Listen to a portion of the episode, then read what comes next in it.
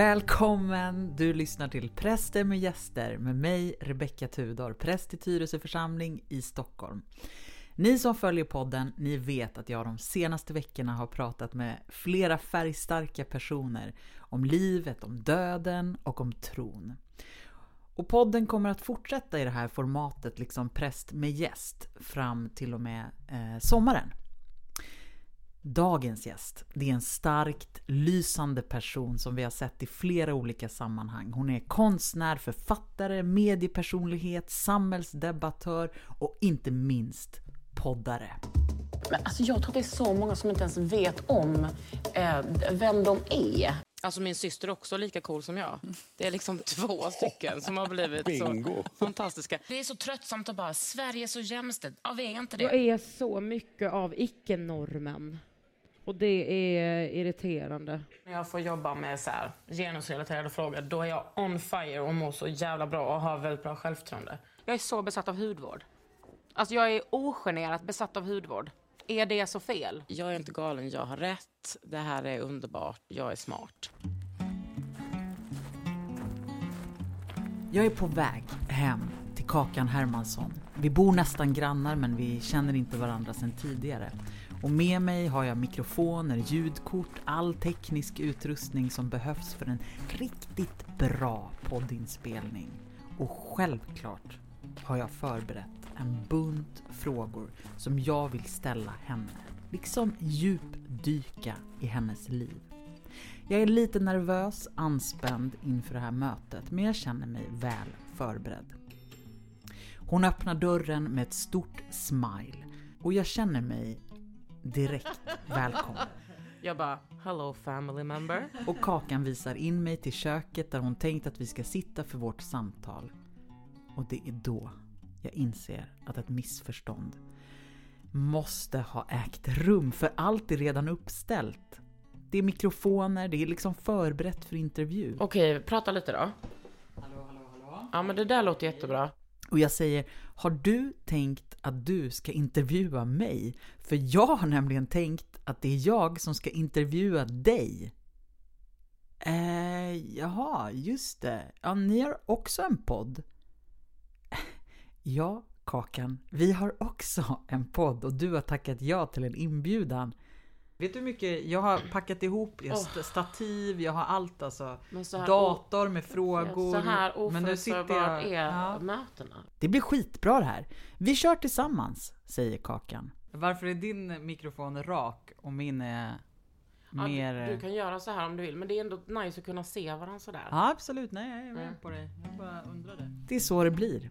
Vi kör tillsammans. Dubbelpoddar. Så här kommer Präster med gäster versionen med Kakan Hermansson. Okej, så här blev det. Är du en progressiv präst? Ja, men det får man väl lov att säga. Men grejen är, frågan är vilka som inte är progressiva präster i Svenska kyrkan nu för tiden. Alltså jag, tycker, jag känner, jag upplever inte att jag är så unik om det är liksom... Nej men alltså jag tänker att det finns massa som är eh, fortfarande ganska konservativa. Jo, men det gör det. Och jag tror att jag ibland är lite naiv när det gäller det. Ja. Eh, Snabb så, vändning. ja. Eh, jo, nej men det vet. Det är klart att det finns massa konservativa präster. Men... Och det är lätt att man blir liksom så här Att jag bara tänker Stockholm på något sätt. Det blir väldigt storstadscentrerat. Ja. Eh, och det är klart att det finns konservativa präster i Stockholm också. ja. Du bara mm. Men hur, vadå, vadå, hur, hur mycket relation har du då till, till kyrkan? Nej men jag, alltså jag har typ ingen relation till Svenska kyrkan. Nej. Har du Eh, relation till katolska kyrkan? Eh, eh, inte sen jag typ eh, flyttade från Lund och några år efter. Då brukade jag ändå kanske så gå med mina föräldrar. Kanske på julafton.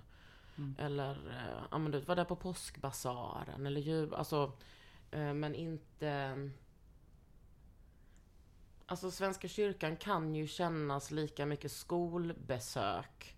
Som ehm, att jag faktiskt går dit, eller men du vet, det är, så, det är så stort, det kan vara så mycket. Men när jag är i katolska kyrkan är jag ju där för att liksom gå i mässan. Just det. Men då får jag ju också hålla handen sådär, du vet. På hjärtat. För Ja, att, för att inte ta emot. eh, mm. Och det tycker jag, hallå, Nej men jag vet Hallå det är jag, nej jag skojar. Men, men jag menar bara, alltså vadå, hur, hur stor skillnad är det? Ja. Är inte jag en, en liksom... Nej men det, jag tycker också att det är väldigt svårt och sorgligt med den nattvardsteologin. Mm. Eh, att det liksom splittrar istället för att förenar. Eh, och vem vill stå i vägen för liksom Guds, Guds närvaron liksom. Ja. Men hur är det i Men- Svenska kyrkan om man är katolik eller något annat? All, everything goes eller? Jo men lite så är det ju. Eh, alltså att everything goes. Jo men vi, nej, vi gör inte skillnad på liksom vem som tar Mm. Alltså nattvardsbordet är öppet. Ish.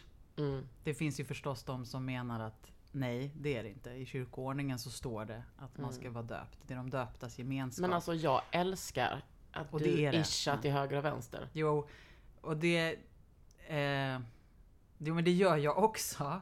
Eh, men jag är inte ensam om att ischa för att vi ingen skulle fråga. Eh, det är självklart för de allra flesta att nattvardsbordet är öppet. Eh, kyrkan är öppen liksom. Mm. Eh, men sen finns det alltid paragrafryttare liksom. Ja, men jag tänker också, alltså jag är ju uppvuxen med att det finns stora delar av katolska kyrkan som är väldigt mycket ish. Att det finns så mycket progressiva rörelser Oh, ja. Överallt i världen. Men när konverterade dina föräldrar? Eh, när, när jag var 12 gjorde mamma det och när jag var 21, 22 gjorde pappa det. Aha. Vilket är liksom, det är min mamma i så arbetarklass och jobbat som undersköterska på natten hela sitt liv. Och pappa är teolog. Just det. Så Just det. jag tycker att det är så kinget att mamma var först liksom. Verkligen. Tio år innan. Och hade de tidigare varit aktiva i kyrkan eller? Alltså i Svenska kyrkan? De hade typ um, rotat runt lite tror jag, men inte hittat hem. Men så när liksom... För dig är tron självklar? Ja, ja, ja. Och har den alltid varit det? Ända sedan du var ett litet barn? Ja, ja, ja, ja, ja. Helt självklar. Och till och med liksom i mina mest krustpunkiga autonoma vänsterår eh, så var det helt självklart. Även om jag försökte liksom intellektuellt eh, alltså ha en diskussion med mig själv. Mm. Eh, men det var, ja. Varför tror du att den alltid har varit så självklar? Alltså så här brukar jag säga till folk som jag pratar med. Eh, och jag tycker att det låter så frikyrkligt. Och frikyrkligt för mig är ingen bra sak. Alltså jag, eh, alltså tro för mig är inget val. Det är inte att jag tror, utan det är mer att jag vet. Eller så här, det är inget, eh, det är inte som att, alltså. Typ, det är lite som för mig att, att med min politiska ideologi. Mm. Att jag är så, alltså övertygad är också ett fel ord. Alltså men med tron är, jag är det är ingenting heller som mina föräldrar har prackat på mig, min syrra. Alltså jag minns att vi typ så, kanske läste barnens bibel lite. Men det var liksom, vi, vi bad nattbön. Mm. Eh, liksom kvällsbön. Godnatt, är det? kvällsbön. Mm. Men, ehm, Men that's it. mm, du då? Eh, jag är... Eh, har, kommer inte liksom från en religiös bakgrund eller har en liksom eh, kristen eh, uppväxt. Nej. Utan eh, som så många andra hittade in via konfirmationsläger Ah, och så. vad coolt. Och då var det verkligen så att det var som att det öppnade sig en... Ja, då blev på ett sätt också faktiskt ganska mycket så här en självklarhet. Och jag kunde ju med back, alltså titta i backspegeln och se att här, men jag har nog alltid haft en relation till Gud. Mm. Jag har bara inte vetat att det kallas Gud. Eller Nej. liksom, jag har inte haft de orden. Men liksom eh, mina... Min första gudsbild tror jag, eller min tidigaste gudsbild, det var ju liksom mitt marsvin som dog. Som jag satt varje kväll och pratade Mm. med liksom i him... Alltså mot stjärnorna liksom. Mm. Eh, men det var ju en uppenbar relation med någonting som var större, någonting Ja. som var bortom, någonting som var liksom... Vad har du för klassbakgrund? Jag har en ganska tjusig klassbakgrund. Åh, oh, gud vad intressant. Ja, mina föräldrar, alltså jag är uppvuxen på, delvis på Lidingö. Ja.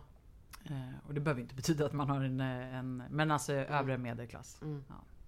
Men jag har en mamma som har gjort en klassresa, en ordentlig klassresa som kommer liksom från England och Mm. Men nej, jag är uppvuxen i liksom både, både kulturellt eh, Vad tycker dina föräldrar om, eh, om ditt kall? Ja men du vet att de har ju gjort sin egen resa så att idag är båda mina föräldrar djupt troende. Så att de är liksom, ja, så de är väldigt aktiva i kyrkan och I Svenska kyrkan? I Svenska kyrkan, min mamma har en katolsk bakgrund men lämnade katolska kyrkan när hon var 18 Mm. eh, med buller och bång liksom. Mm. Och katolska kyrkan i England då på 40-talet hade kanske inte gjort henne jättegott. Nej. Liksom. Eh, så då gifte hon sig med en ateist och liksom eh, ja, blev väldigt politiskt engagerad och liksom sa fuck off till kyrkan. Mm. Och sen så, livet pågår liksom. Eh, Men wow, men har de blivit, alltså tror du att det handlar om, är det din påverkan liksom? Men både ja och nej. Ja, absolut. Mm. På många sätt så tror jag det. Vi, Mm. Men det var, för mig och mamma var det nog så att vi gick en, det var en parallell resa. Hon blev väldigt sjuk i cancer. Och då när, under den tiden, det var lite samma liksom, år som jag sen hittade in i kyrkan. Så att hon hade ju påbörjat sin resa tillbaka mot, alltså börjat förstås fundera på liksom massa existentiella frågor. Och liksom, vad är meningen? Och ska Mm. hon dö nu? Och vad lämnar hon efter sig? Mm. Så. Och hur gammal var du då? Ja men då när hon blev sjuk så var jag 9-10. Men hon är frisk? Hon är frisk. Uff, Ja. vad Och underbart. lastgammal. Hon fyller 81 i sommar. Oh, wow, hur gammal är Ja. du? 38. Nu, du, du kände hur jag bara tänkte, liggande stolen. Ja, ah, vad coolt. Men jag har också en syster som är 17 år äldre. Ah. Ja, så att jag är lite sladdis där. Hur är det med henne då? Min syrra? Vad tror hon? Nej men hon eh, har inte nödvändigtvis en självklar tro. Hon, däremot så blev hon döpt för några år sedan. Eh, och det tror- du ner henne och tvångsdöpte exakt, jag henne? tvångsdöpte henne. Eh, och det är lite så jag gör, för jag gjorde även det med min fru. Mm. Eh, nice. Så att jag, eh, det är mitt sätt att agera. Eh, mitt sätt att vara missionär på. Ja, precis. Ja. Nej men min, jag tror att det hade... Nej men hon ville bli döpt och eh, hon ville bli döpt av mig. Ah, Eh, gud jag får gåshud. Så vi hade liksom, vi hade många fina samtal inför det. Och sen, men jag tror faktiskt att det mycket var så en längtan efter tillhörighet. Mm. En längtan efter att liksom också, både kanske inom familjen eh, men också känslan av att... Så att dopet på något sätt blir liksom en... Istället för att dopet blir ett ställningstagande som att så här, nu är jag färdig, jag har liksom bestämt mig, jag vet vad jag tror på. Så blir det som en, en öppning. Mm. Liksom.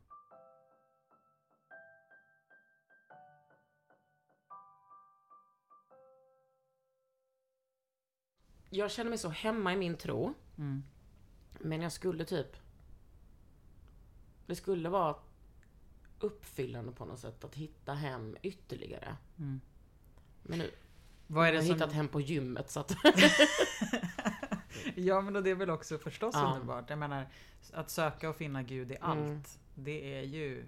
Alltså det tycker jag är liksom är mysteriet av att leva. Mm. Men att ha en, en blick för vad som är heligt. Mm. Alltså det är, inte, det är förstås inte bara så att det heliga finns i kyrkorummen. Liksom. Det heliga finns ju i allra högsta grad även på gymmet. Liksom. Mm. Om det är där man finner att, li, alltså att man får, Mm, får liv. Liksom. Det är inte där som... där får jag liv. Ja. Och då tänker jag att det är gott och då har det med Mm. Gud att göra.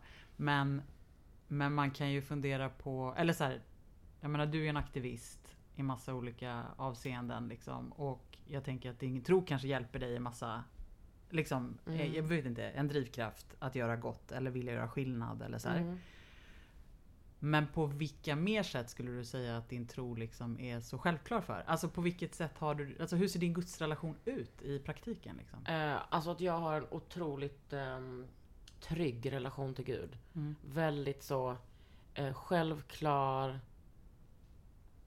Alltså, Gud är min bror. Förstår Mm. du? Mm. Och hur ser du Gud framför dig? Liksom? Kan du säga, blir det som en gestalt? Eller är det... ja, men Gud är nog, eh, det här är så ofeministiskt, men det är väl typ en gammal gubbe för mig. Ja. Jag har kvar det, den bit, eh, gudsbilden liksom. Mm. Eh, Och det är helt okomplicerat för mig. Mm.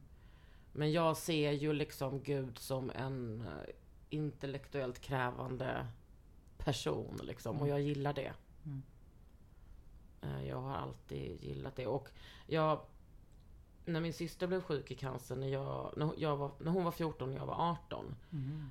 Då hände det också massa grejer i mitt liv. Min, mos, min, mor, min kusin och min morfar dog på samma dag som min syster upptäckte sin cancer. Mm. Så min moster förlorade sin son och pappa på samma dag. Usch. Och innan två, tre månader innan dess hade min andra kusin dött och min, mor, min, mo, min moster hade, eller min mormor hade dött. Och min kompis hade dött. Det var liksom två år. Och där försökte jag intellektuellt eh, komma underfund med liksom, att ifrågasätta Gud. Med, bara, alright, vad håller du på med? Mm. Liksom. Eh, men, eh, nej.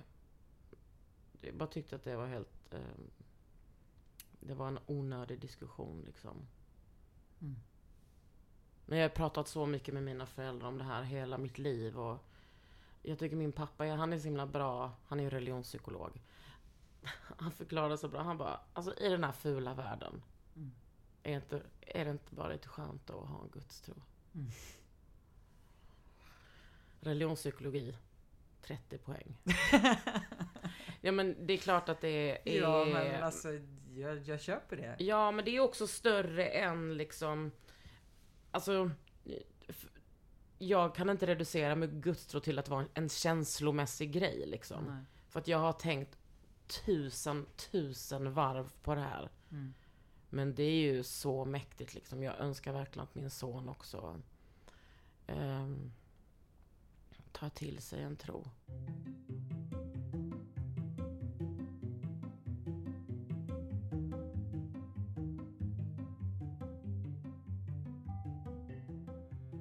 Jag tänker att många, många fler har en tro. Alltså vi säger att Sverige är ett så sekulariserat land och Mm. bla bla bla. Eh, och det är det ju i massa avseenden. Men jag tänker ändå att det också finns så himla mycket längtan Mm. och, och tro liksom. Mm. Fast man kanske inte har riktigt ett språk för det liksom. Och inte heller Mm. den här liksom, tillhörigheten i typ en kyrka eller någon annan religiöst sammanhang. Liksom. Nej. Alltså att man har, det blir liksom som en privat religiositet liksom. Precis, och det tycker jag är så... Ja men det tycker jag det är så typiskt Sverige. Ja, Vad, vad fan är vårt problem? ja, Det är liksom som att de troende är alltid de andra. An, antingen är det liksom de här äh, galna, äh, frireligiösa, det är Knutby liksom. Mm. Eller så är det muslimerna. Och ingen svenne vill typ eh, jag vet inte, gräva i det eller, alltså jag, eller har någon kanske relation till det. Jag har många muslimska vänner och det är ju liksom en sån gåva. För där är typ det enda sammanhanget jag kan hitta vardaglig tro Mm. och jämföra mig med. Det är mina kompisar som är muslimer. just det. Eh, och sen tror jag liksom att många av mina så här svennekompisar, som du säger, längtar efter en tro. Men Mm. ehm, det är för stort steg Mm. att gå en torsdagkväll Mm. till kyrkan. Mm. eh, Lämna sin familj och göra det. Alltså man, man anses vara lite galen. Mm. Det är lättare att gå på liksom, Yoga. ja. Mm. Även om det liksom kanske hade kunnat vara samma sak. Men sen, jag tycker också kristen, eller liksom tron, får inte riktigt plats i vårt nyliberala samhälle. Mm. Det ska alltid... ehm, man ska alltid liksom få ut någonting av varje extra timme i livet. Alltså antingen ska du bygga mer mus- muskler eller liksom bli mer zen med yogan. Mm. Men det perspektivet har inte riktigt vi heller här. Mm. Ehm, och då, eh, liksom det här uh, nyliberala samhället liksom tar ju koll på oss. Mm. Eftersom vi bara ska prestera och prestera hela tiden. Mm. Ja men visst. Men eh, vad skulle du liksom... Eh, jag vet att du sa vid något tillfälle att du... eh, Ja men alltså att du egentligen så här, vill prata om tro. Mycket, mycket mer än Ja. vad du gör och... Eh, och liksom dela det. Mm. Liksom. Att du kan känna dig ensam i din tro. Mm. Liksom. Det är därför jag väl attackerade dig någon gång på, Ja, på, du gjorde ju det. på, på lekplatsen. Ja, och det var ju jätteroligt förstås. Eh, Jag bara, hello family member. ja, eh, jag, jag, jag ställer mig bara så här. Ja, jag vill typ, eh, jag är sugen på det sammanhanget. ja, Vad kan ni göra för mig? ja. Så. Det skulle vara nice. När, man, när jag vet också att det finns såna liksom coola präster som du. Som där det, alltså jag tänker också att mellan oss finns det som en tyst överenskommelse, en förståelse. Mm. Eh, och det är så coolt. Men sen tycker jag så här, ja mina föräldrar lever, du vet, de är så här katoliker, lever i en straight relation, har alltid gjort det. Mm. Alltså jag eh, har också tusen tysta överenskommelser och liksom Mm. tyst kunskap. Alltså som muskelminne typ. Mm. Med dem. Mm. Vad tycker du om i den katolska mässan då? Vad är det som lockar dig där? Eller det som drar dig? Jag tycker att ehm, den är mäktig. Den är så sakral liksom. Mm. Det är så högtidligt. Mm. Men jag har ju varit på så många fler mässor i katolska kyrkan än gudstjänster i svenska kyrkan Mm. på de senaste 20 åren. Så jag ska väl bara chilla. Ja, nej men och som sagt nu är det ju den här äh, helvetiska pandemin så att nu firas det ju inte så mycket gudstjänster. Nej. Eller ja, det gör det ju, men de sänds ju digitalt. Mm. Eh, men vi har ju också mässor i Svenska kyrkan i allra högsta grad. Vi firar ju mässa varje söndag. Ja. Det är bara det att den i katolska kyrkan kan den vara... Men jag, för jag fattar själv Mm. dragningen och att det där Mm. liksom, det, det är någonting mystikt. Det är någonting som är liksom, vi har en tendens, alltså det är det som är problemet med Svenska kyrkan ibland. Det är ju så jättehögt i tak och låga trösklar. och Det, Mm. Jag tycker det är fantastiskt. Mm. Men ibland så tenderar det liksom att eh, bli lite avförtrollat. Jag vet. Det är som att så här. Eh, vart tar liksom det där heliga vägen? Jag vet. liksom? Jantelagen. Ja, Alltså, så att, eh, Jag vet, det är jävla snack om jantelagen, men det är ju typ... Jag förstår också, alltså, liksom... Jag förstår ju ehm, det positiva i liksom eh, reformationen. mm, Eh, och liksom att göra gudstro mer tillgängligt. Mm. Om jag skrev mitt specialarbete om Gustav Vasa reformationen. gjorde du det? Ja. om, eh, om min pappa typ skrev 70% av det arbetet, ja. Och om han, sitter och, om han lyssnar på den här podden så säger han 70%, 95%. Ja, det kanske det var pappa. Men jag fick MVG, det var gött i alla fall. Men jag har liksom alltid varit intresserad av det där. Varför, alltså romersk-katolska kyrkan, d- när jag var jag skrev massa arbeten om det i skolan. När jag gick på högstadiet Mm. letade jag upp en konvertit, alltså en judisk tjej, kvinna, Mm. som har konverterat från eh, Svenska kyrkan till ehm, judiska. En judisk kvinna som hade konverterat från Svenska kyrkan. Alltså hon jaha, hon, var hon, precis. var inte född judinna? Nej, hon hade Okej. konverterat. Ah, ja, okej. Jag har alltid varit så himla intresserad av det liksom. Och eh, ja, men också attityden Mm. eh, på konvertiter har jag tyckt varit spännande Mm. liksom. Och mina föräldrar pratade om att ja men vi, eh, alltså i vissa ögon så gills inte vi och det. Men jag bara, va? Ni har ju verkligen aktivt Tagit ett, Ja. liksom. Mm. Ja, jag hade ju liksom en gäst då i podden Präster med gäster eh, förra veckan. Eh, Rebecca Cardoso som är regissör och dramatiker. Och hon berättade om sin resa. Hon är nämligen konvertit. Eh, Mm. Har precis gått med i katolska kyrkan. Men är liksom HBTQ-aktivist, Mm. feminist ända ner i liksom. Och mina frågor till henne, blir ju förstås så här. Liksom, du, det här är ett aktivt Mm. val du ändå gör liksom. Vad är det som händer? Liksom, det finns ju så mycket som är så väldigt, väldigt problematiskt liksom. Mm. Ja. Men det- jag, jag tänker, alltså det är klart att jag har haft de diskussionerna med min, mina föräldrar och jag och min pappa. Alltså jag hade typ precis, nej inte precis kommit ut, men jag var ganska nyutkommen lesbisk. När pappa skulle konvertera och han, jag kommer ihåg att han ringde mig någon gång och sa Nej, jag, jag ska inte göra det. Det går inte. Mm. Ehm, ja, men liksom deras bästa kompis är bög och som är Mm. min gudfar och liksom de har varit med i det där som jag tror är ganska ovanligt för så svennar. Mm. Att de har liksom ändå levt i ett hbtq-samhälle. Mm. Och jag bara, nej men pappa du, skit i det, det är väl skitbra om du är där. Det gör jag, jag är jätteglad för att mina föräldrar, som liksom ändå är relativt progressiva, Mm. är med i den församlingen. Just det. Ja men visst, absolut. Men alltså Mm. snälla, alltså. Det är inte som att de där bröderna är straighta. Kanske inte alla. Nej, kanske inte alla. Nej men det är... Ja. Nej men det finns massa progressiva och coola människor som är katoliker. Ja. Självklart. Det finns massa töntar som är protestanter. Som är protestanter. Ja. Ja. Och de är tyvärr inte här idag. Nej, de är, de är tyvärr inte Nej, här idag. precis. Idag har vi bara två Coola. jävligt coola kristna. Mm.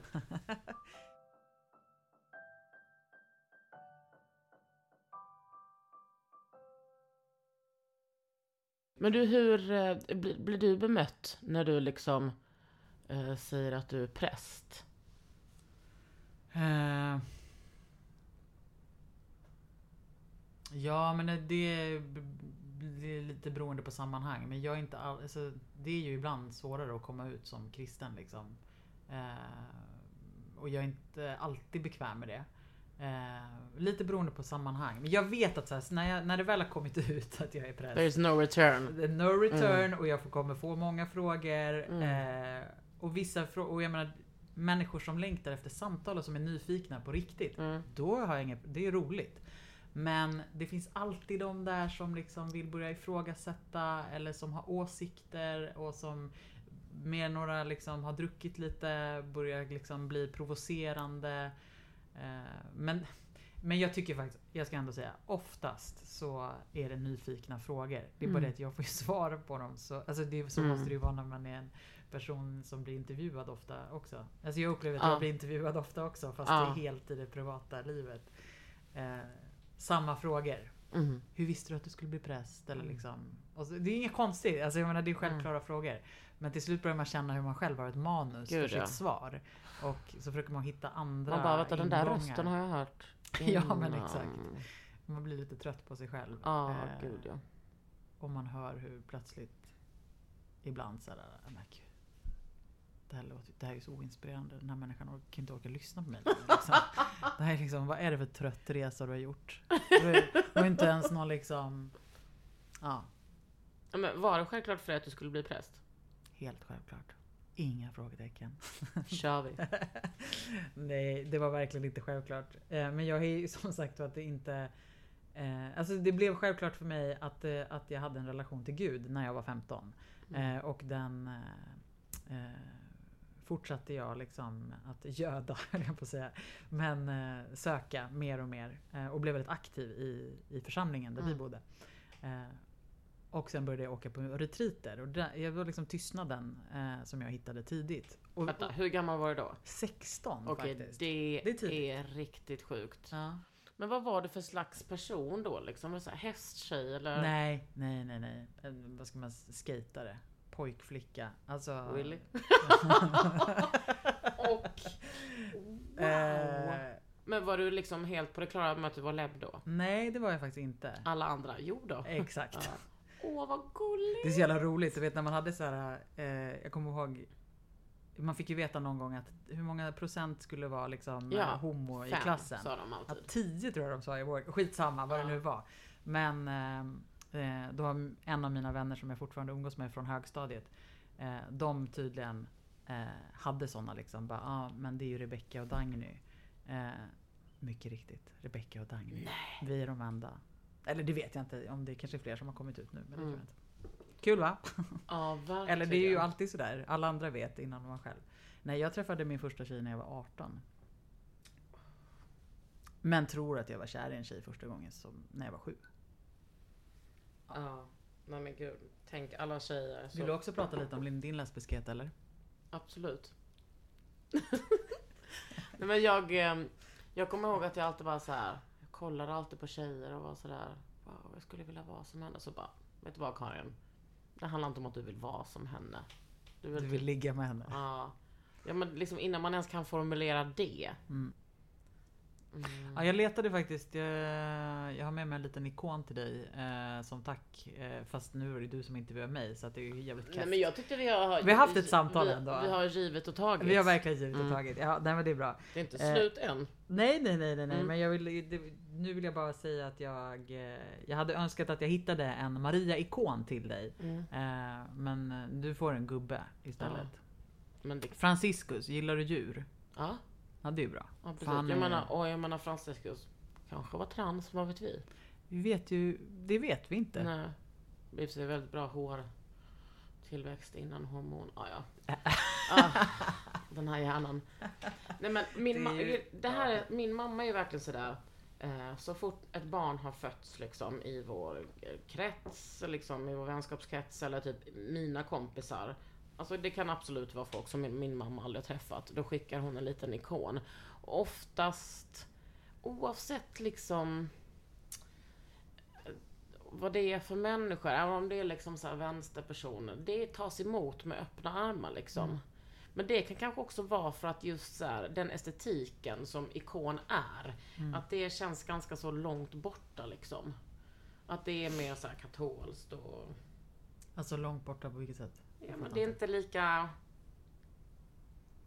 störigt som Svenska kyrkan kanske. Att katolska kyrkan är bara, ja det är katolska kyrkan, det är bara någonting helt Ja, ah, du menar att man annat. förknippar ikoner bara med katolska kyrkan eller Ja. kanske ännu mer ortodoxa kyrkan också? Ja, om nu folk kan göra Nej det kanske, nej. det. Ja precis, nej det kan Mm. kanske Nej, och där tänker jag överlag, gör folk så jävla mycket skillnad då på liksom, eller kristna som kristna typ? Nej man kanske gör skillnad på katolska kyrkan och är svenska kyrkan. Verkligen. Jo det gör man. Speciellt Ja, där okej. jag kommer Mm. ifrån liksom. Ja, vänster. Jo. The West Wing höll jag säga. Men man har ju en ganska liksom inte alltid kanske så uppdaterad eh, version av liksom eh, Nej, det är ju det som är problemet. Ja. Det finns radikalitet Exakt. i kyrkan och Ja. det är liksom... Och det finns ikoner i Svenska Ja, kyrkan. precis. Alltså radikala ikoner. Ja. Eh, men eh, ja. Jag skulle liksom ändå vilja gå. Jag ska efter pandemin över ska jag börja gå. Mm. Då kommer jag till er. ja gör du det? Det är långt alltså. Jag är ju ute i Tyresö. Ja, jag kan ta bilen. Ja. Vi bor grannar. Vi kan samåka. Ja, vi kan samåka, absolut. Ja.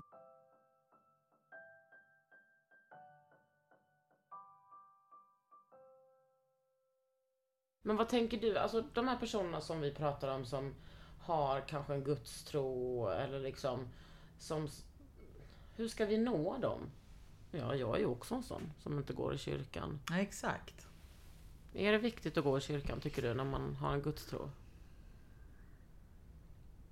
Ja, alltså det här är ju en intressant fråga för att jag tänkte ställa den till dig också. Eller jag hade tänkt på den innan. Eh, för jag funderar på hur kan man vara kristen liksom utan att överhuvudtaget tillhöra en kyrka eller en Mm. gemenskap eller liksom behövs liksom den kristna gemenskapen för att man ska kunna kalla sig kristen.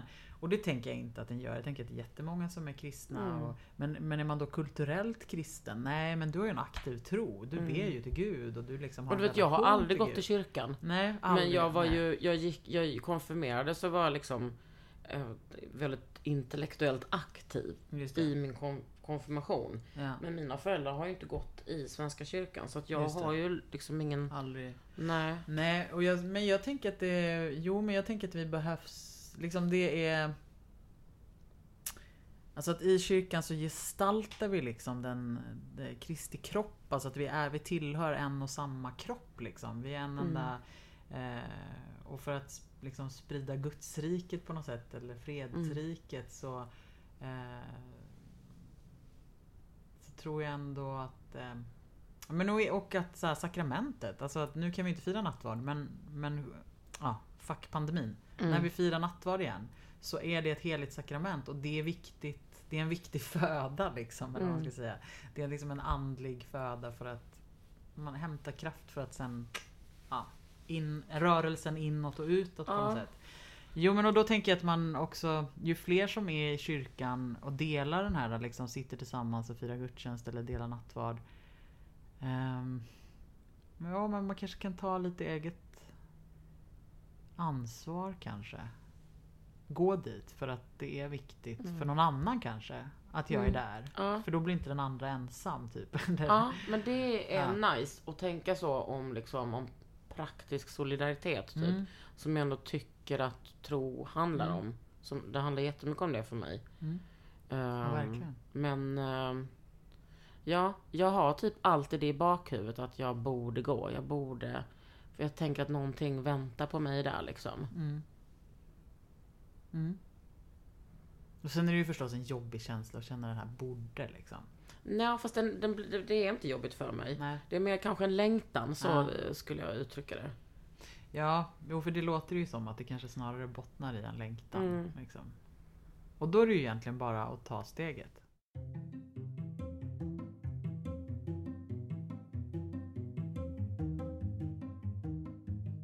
Ja, men du. Tack för att du kom till min podd. Men du, tack för att du kom till min Jag podd! vet hur underbart! Och jag kan, så här brukar jag avsluta. Du har lyssnat på Under huden med mig, Kakan Hermansson och Mig Rebecca Tudor. precis, hur brukar du avsluta?